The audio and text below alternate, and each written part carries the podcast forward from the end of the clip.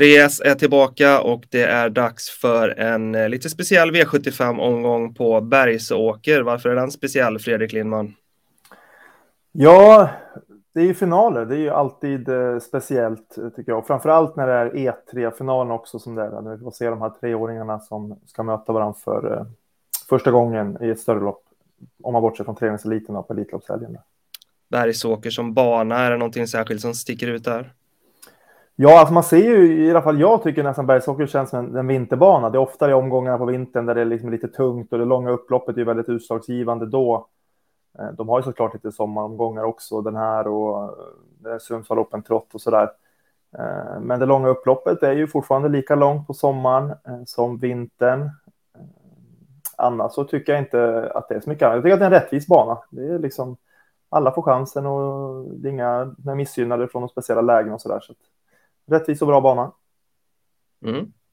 Och vi ska bjuda på lite rubrikhästar och den första rubriken är Spiken.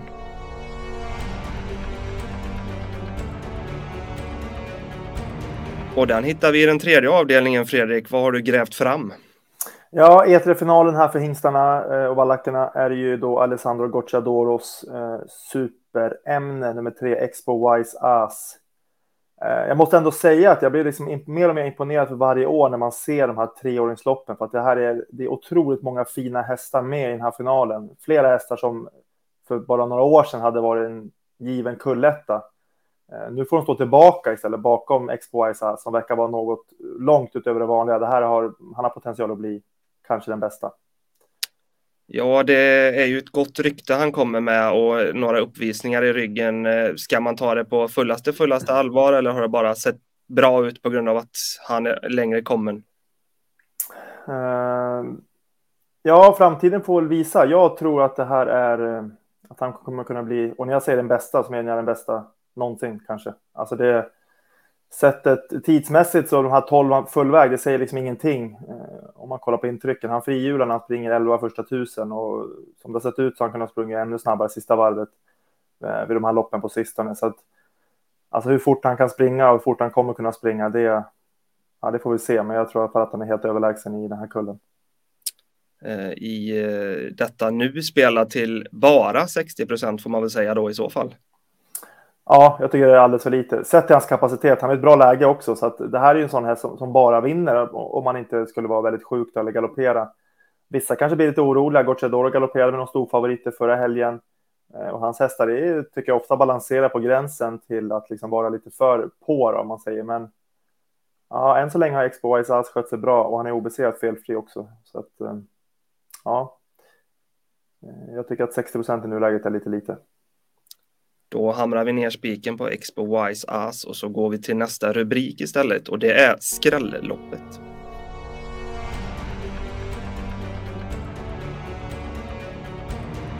Och här jagar vi ju då lågprocentare såklart och det är i den fjärde avdelningen Fredrik.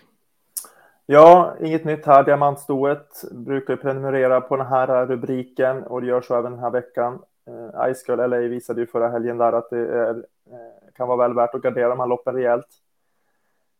Um, svår, det är ofta svårlösa scenarion. Det är svårt att veta exakt hur det kommer bli kört, framförallt när det är voltstart och liksom ston. Ehm, vilket lägger till grund egentligen för att ett svårlöst lopp så kan det ju ske oväntade saker. Finns det någonting särskilt att lyfta från det här loppet? Är det någon du vill vurma lite extra för? Uh, ja, det, det, är extra tacksamt den här veckan uh, till att börja med att favoriterna har ju nummer 10 Mahala har ju bakspåra och eh, uh, Collier IT står på tillägg. Det är två väldigt bra hästar, men det är ändå lägen också som bjuder in till strul. Uh, jag vill istället lyfta fram en häst som har ett bra läge den här gången. Det är nummer två Queen Treasure. Vann ju V75 här näst senast. Vi ser bilder från när hon spurtvann V75 då, ett liknande ett storlopp då, med, från Sport 12. Den här hästen har alltid lovat mycket och hon har otrolig styrka i kroppen. Hon hänger liksom med i alla tempon och när det klaffar då har hon en ruskig speed också. Så att eh, ja, Queen Treasure får man inte glömma på lördag. Då gör vi inte det. Och så går vi till den sista rubriken istället och det är chaset.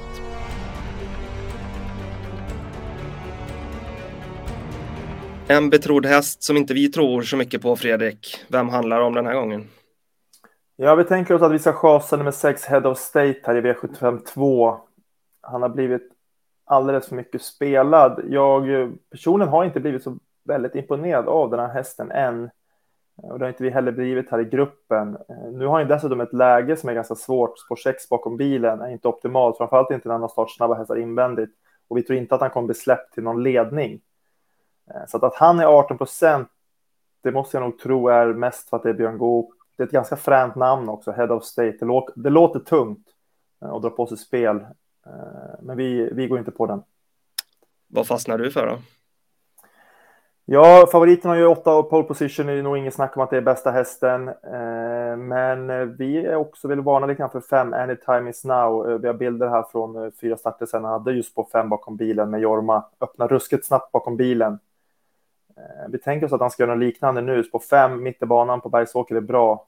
Eh, och att han tar sig till ledning. Sen är det bara att få ta fram och rycktussa för första gången också på fem, Anytime is now. Eh, ja, han kan ganska mycket den där hästen, så det ska bli intressant att se honom. Kör man en ledning så kan det mycket väl gå hela vägen. Släpper man så får man ryggledaren, vilket också är en bra position. Så att, ja, den vill vi lyfta fram lite där. Mm. Anytime is now i V75 2 alltså. Då summerar vi väl allting. Vi spikar 3x på Wise Ass i V75 3. Vi kommer definitivt gardera brett i V75 4 och jaga skräll och vi betalar inte för 6 Head of State i V75 2. Tack för att ni har tittat.